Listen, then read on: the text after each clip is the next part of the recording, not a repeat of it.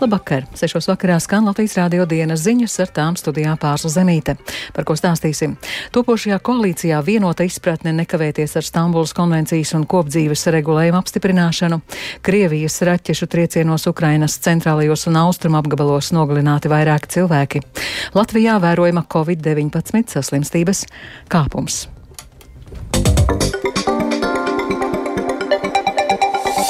Visi topošās koalīcijas veidotāji apņēmušies nekavēties ar kopdzīves regulējumu un Stambulas konvencijas ratificēšanu. Skatīšanai sājumā šos likuma projektus plānots iesniegt uzreiz pēc jaunās valdības apstiprināšanas. Pilnu atbalstu tieslietu ministres jaunās vienotības pārstāvis Ineses Lībiņas Egneres plānam apliecinājuši gan progresīvo, gan zaļo un zemnieku savienības pārstāvi stāstījānis Kīncis.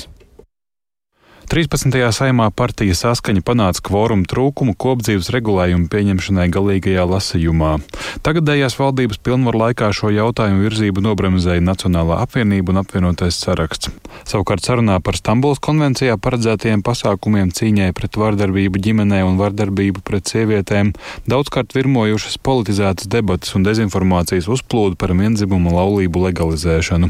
Nākamās valdības veidotāji cilvēktiesību jautājumu blokā runā par juridisku juridisku vienlīdzību dažādām sabiedrības grupām, uzsver tieslietu ministre Ines Lībiņa Egner no jaunās vienotības. Sen mēs vairs nerunājam par Stambulas konvencijas saturu, bet par kaut kādu demonizētu priekšstatu par to. Un es domāju, ka arī partnerattiecību jautājumā cilvēki vēlas reģistrēt savas esošas attiecības, un tas nekādi neietekmēs to cilvēku dzīvi, kuri dzīvo laulībā un jau šobrīd ir aizsargāti ar likumu. Pašlaik tās ir administratīvās tiesas, kas lemj par konkrētu pāru ģimeņu atzīšanu un valdībai valsts vārdā regulāri nāks atbildēt šajās tiesvedībās. Šāda praksa ilgstoši nav turpināma, uzsver tieslietu ministre. Kopdzīves regulējumā plānoti septiņu likumu grozījumi. Tie paredz, ka partnerību varēs noslēgt pie zvērināta notāra. Piedāvātais regulējums atrisinās dažādus sadzīviskus jautājumus divu personu savienībām, neatkarīgi no viņu seksuālās orientācijas. Šādu risinājumu atbalsta gan progresīvie, gan Zaļo zemnieku savienība.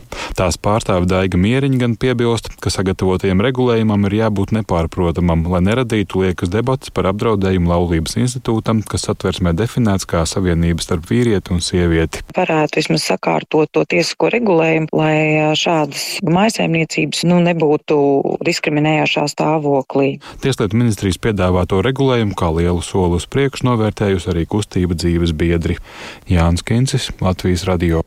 Latvijā gada inflācija augustā samazinājusies līdz 5,4%, savukārt gada laikā patēriņa cenas ir palielinājušās par 5,4%. Tādi centrālās statistikas pārvaldes dati. Vienlaikus 12 mēnešu vidējais patēriņa cenu līmenis salīdzinot ar iepriekšējiem 12 mēnešiem augustā pieaudzis par 15,6%.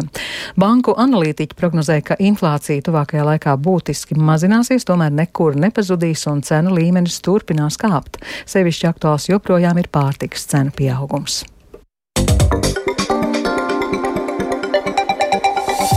Turpinoties Krievijas izvērstajam karam, Ukrainā šodien iebrucēji kārtējo reizi īstenojuši jaunus triecienus, kas skāruši Ukrainas centrālo un austrumu daļu. Tikmēr frontē turpinās Ukrainas pretuzbrukums un Ukrainas karavīriem bijuši panākumi rajonos uz dienvidiem no Robotines. Stāsta Rihards Plūme. Ziņas, kas šodien pienākušas no Ukrainas, kārtējo reizi apliecina Krievijas nežēlību, jo atkal triecienos ir cietuši civiliedzīvotāji. Krievijas triecieni šorīt ir skāruši Ukrainas centrālo un austrumu daļu. Hersonas apgabala Odradokamenkas ciematā nomestas Krievijas aviobumbas rezultātā ir nogalināti trīs civiliedzīvotāji un vēl pieci tika ievainoti. Iekšlietu ministrs Igors Klimenko jau nosaucis šo triecienu par kara noziegumu. Šis ciems atrodas apmēram 60 50 km augšpus Hersonas pilsētai un atrodas Ņepras upes rietumu krastā.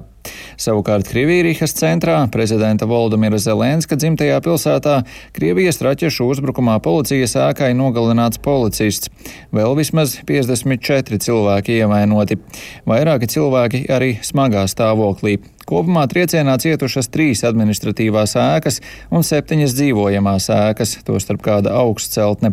Vēl vismaz trīs cilvēki tika ievainoti pēc tam, kad Krievija veica triecienu arī Sūmu pilsētai Ukrainas ziemeļaustrumos, savukārt vēl viens vīrietis tika ievainots raķešu uzbrukumā Zaporižē dienvidaustrumos. Tikmēr frontē turpinās pretuzbrukums, un, kā ir pavēstījis ģenerālštāba pārstāvis Andrijs Kovaļovs, Ukrainas karavīriem bijuši panākumi rajonos uz dienvidiem no Robtīnes. Karavīri arī turpinot uzbrukuma darbības uz dienvidiem no Bahmutas un nostiprinās sasniegtajās robežās. Tāpat turpinās centieni atturēt Krievijas karaspēka uzbrukumu Avdījivkas un Marģinkas virzienos. Vairākās vietās Krievijas uzbrukuma darbības nesot bijušas sekmīgas, turklāt aizsardzības spēki turpina atturēt Krievijas karaspēka uzbrukumu Kupjā Brjānskas, Limanas un Bahmutas virzienos. Vēl jāpiebilst, ka ASV Kara studiju institūta jaunākajā apskatā par situāciju frontē tiek norādīts, ka Ukrainas bruņotie spēki pretuzbrukumā valsts dienvidos sekmīgi novājina ienaidnieka armiju un līdz gada beigām var gūt operatīvus panākumus. Analītiķi pieļauj, ka nākamā Krievijas aizsardzības pozīciju sērija var izrādīties vājāka, mazāk mīnēta un mazāk nokomplektēta nekā tās, kuras jau Ukraiņi ir pārāvuši. Rihards Plūme, Latvijas radio. Rīt un parīt Indijā notiks pasaules lielā 20-nieka jeb G20 sanāksme.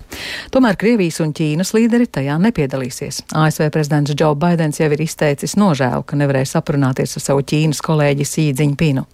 Tomēr arī to līderu vidū, kas ieradīsies Ņūdelī, ir ne mazums domstarpību gan par attieksmi pret karu Ukrainā, gan par cīņu ar klimata pārmaiņām, gan par daudziem citiem jautājumiem.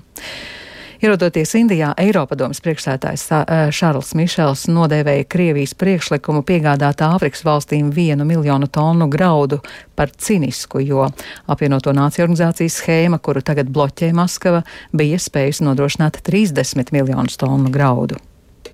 The Kremlin swore Kremļa karš posta dzīvības arī tālu prom no Ukrainas, tostarp šeit, Dienvidāzijā. Vairāk nekā 250 miljoni cilvēku pasaulē sastopas ar akūtu pārtikas nepietiekamību. Mērtiecīgi uzbrukot Ukrainas ostām, Kremlis atņem ēdienu, kas viņiem ir ārkārtīgi vajadzīgs. Latvijas vēstnieks Ukrainā Ilgvars Kaļava Černihivā parakstīja līgumu ar apvienoto nāciju organizācijas attīstības programmas Ukrainā pārstāvi par sadarbību piecu Černihivas apgabala sociālās infrastruktūras objektu rekonstrukciju. Sadarbības līgums paredz, ka ANO attīstības programma Ukrainā uzraudzīs Latvijas finansētos rekonstrukcijas projektus. Kopumā Černihivas apgabala atjaunošanā plānots ieguldīt ap 5 miljoniem eiro. Latvijai paldies teica gan Čeņihivas apgabala gubernators Vjačeslavs Čaus, gan Čeņihivas domas pārstāvis Oleksandrs Lomako. Es gribu pateikt paldies Latvijai par tās atbalstu visās frontēs mūsu valstī. Tādas ir daudz. Es jums esmu ļoti, ļoti pateicīgs. Šis atbalsts mums ir ļoti svarīgs. Iedzīvotājiem nemazāk svarīgs ir morālais atbalsts, apliecinājums tam, ka mēs neesam vieni šajā kaujā, cīņā par mūsu kopīgām vērtībām, brīvību un demokrātiju. ASV un Eiropas Savienība nosodījušas Baltkrievijas vadītāja Aleksandra Lukašenko rīkojumu pārtraukt pasu izsniegšanu valsts diplomātiskajās pārstāvniecībās ārzemēs. Lukašenko rīkojums paredz, ka pārstāvniecības arī vairs neizsniegs un neapstiprinās dzimšanas un laulības apliecību, kā arī augstākās izglītības diplomu. Trimdā dzīvojošā Baltkrievijas opozīcijas līderis Vjatlana Cihanovska paziņoja, ka šādi Lukašenko režīms atriebjas saviem oponentiem un izdara spiedienu uz valstīm, kurās viņi viņi ir guvuši patvērumu. Cihanovskas veidotā Baltkrievijas trimdas valdība izstrādā jaunas pases. Cihanovskas vecākais padomnieks Franaks Jačorka atzina, ka jaunu pasu izsniegšana un starptautiska atzīšana nav viegls uzdevums. Мы не претендуем, чтобы этот документ получил статус государственного паспорта. Mēs nepretendējam uz to, ka šis dokuments iegūs valsts pases statusu, bet gan personu apliecinoša dokumenta statusu, lai tajā varētu ielīmēt vīzas un to varētu izmantot, lai saņemtu uzturēšanās atļaujas. To mēs varam panākt. Этого мы добиться можем.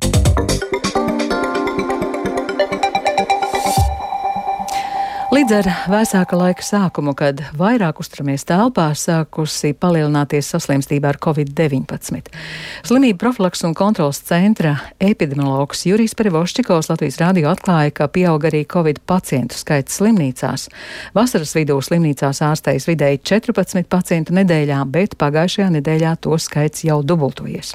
Perivoščikovs skaidro, ka ir tikai pats septembra sākums, elpceļu vīrusu, to skaitā covid izraisītājs tikai sāk izplatīties izplatīties, un kulminācija paredzama septembra beigās.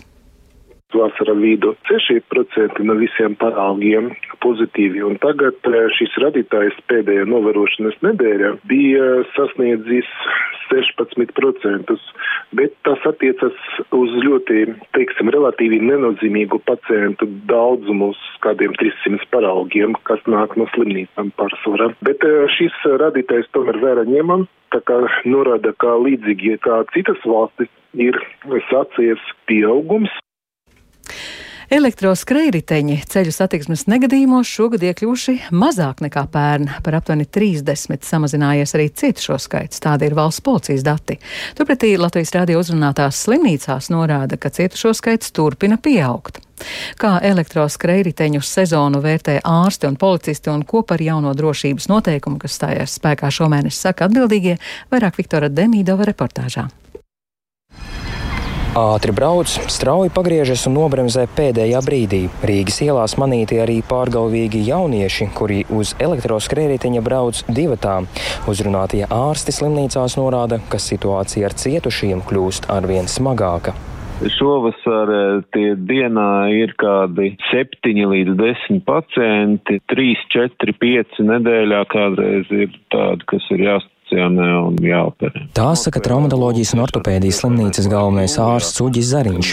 Kopš pavasara uz elektroskrējriteņiem traumas guva aptuveni 400 cilvēku. Tas ir vismaz par piekdeļu vairāk nekā pagājušā gada attiecīgajā periodā. Tā norāda Zariņš. Šie nomas skrējriteņi mums stabili ieņem nu, kādus 10% no visām traumām, kas ir ļoti liels salīdzinošs skaits. Nomas elektroskrējriteņu pieejamību Latvijas pilsētā šogad palielinājusies. Tos var izmantot piemēram arī Tukumā un Jēkpilī. Savukārt cēsīs tie parādījās vien jūlija otrā pusē. Likumsargi uzsvēra, ka problēma ir ļoti nopietna. Turpina valsts policijas pārstāvis Arturs Smilga. Par pagājušo gadu gandrīz katrs trešais negadījums, ko mēs saņemam no slimnīcas, ir saistīts ar alkohola lietošanu. Šī ir problēma, un tāpēc arī strādājam, tā teikt, vairāk pievēršot uzmanību šiem elektroskrējēju vadītājiem, veicam vairāk šīs alkohola pārbaudas. Jāņem vērā, ka no 1. septembra ar elektroskrējēju var braukt tikai ar tiesībām. Pirmajās dienās policija fiksējusi 14 pārkāpējus, kuriem tiesību nebija. Izmēģinot pāris lietotnes, Latvijas radio novēroja, ka uzņēmumi vadītāja tiesības neprasa uzrādīt. Viktors Demidovs, Latvijas radio. Vēl par sportu. Pusseptiņos vakarā ar atklāšanas spēli Jelgavā sāksies jaunā Latvijas hokeja čempionāta sezona. Pirmajā mačā tiekas pērnās sezonas finālisti - Zemgale un Mogo LSPA. Pavasarī vairāki pārāki bija Zemgales hokeisti, izcīnot otro Latvijas čempionu titulu. Par abu klubu ambīcijām šajā sezonā, kā arī pirmo maču stāsta Mārsbergs. Zemgala un Mogo ir divas no komandām, kas skaidri un gaiši paziņojušas, ka viņu mērķis šajā sezonā ir izcīnīt Latvijas čempionu titulu, bet jebkāds cits rezultāts būs neveiksme. Abas vienības starpsezonā ir piedzīvojušas zināmas pārmaiņas, taču komplektācija pirms sezonas liek domāt, ka tieši šīs divas komandas varētu būt galvenās pretendentes uz čempionu titulu pavasarī. Arī pirms gada Mogo un Zemgala Jelgavā spēlēja sezonas atklāšanas maču, toreiz ar 3-0 uzvarot Mogo. Turnīrā Turnīrā šogad piedalīsies kopumā deviņas komandas, atgriežoties Kurbadam un iesaistoties arī vienai Igaunijas vienībai. Regulārā čempionāta noslēgums paredzēts 28. februārī, bet uzreiz pēc tam sāksies arī izslēgšanas mači. Ar to izskan Latvijas rādio dienas ziņas producents Edgars Kupčs, ierakstus montē Renāša Steimans, par labskaņu rūpējās Katrīna Bramberga, ar jums runāja Pārsla Zemīte. Rīgā 19 grādi ziemeļvējš, 4 m2, gaisa spiediens 769 mm, gaisa relatīvais mitrums 80%. Kāds laiks gaidāms turpmāk, prognozēja Tūms Bricis.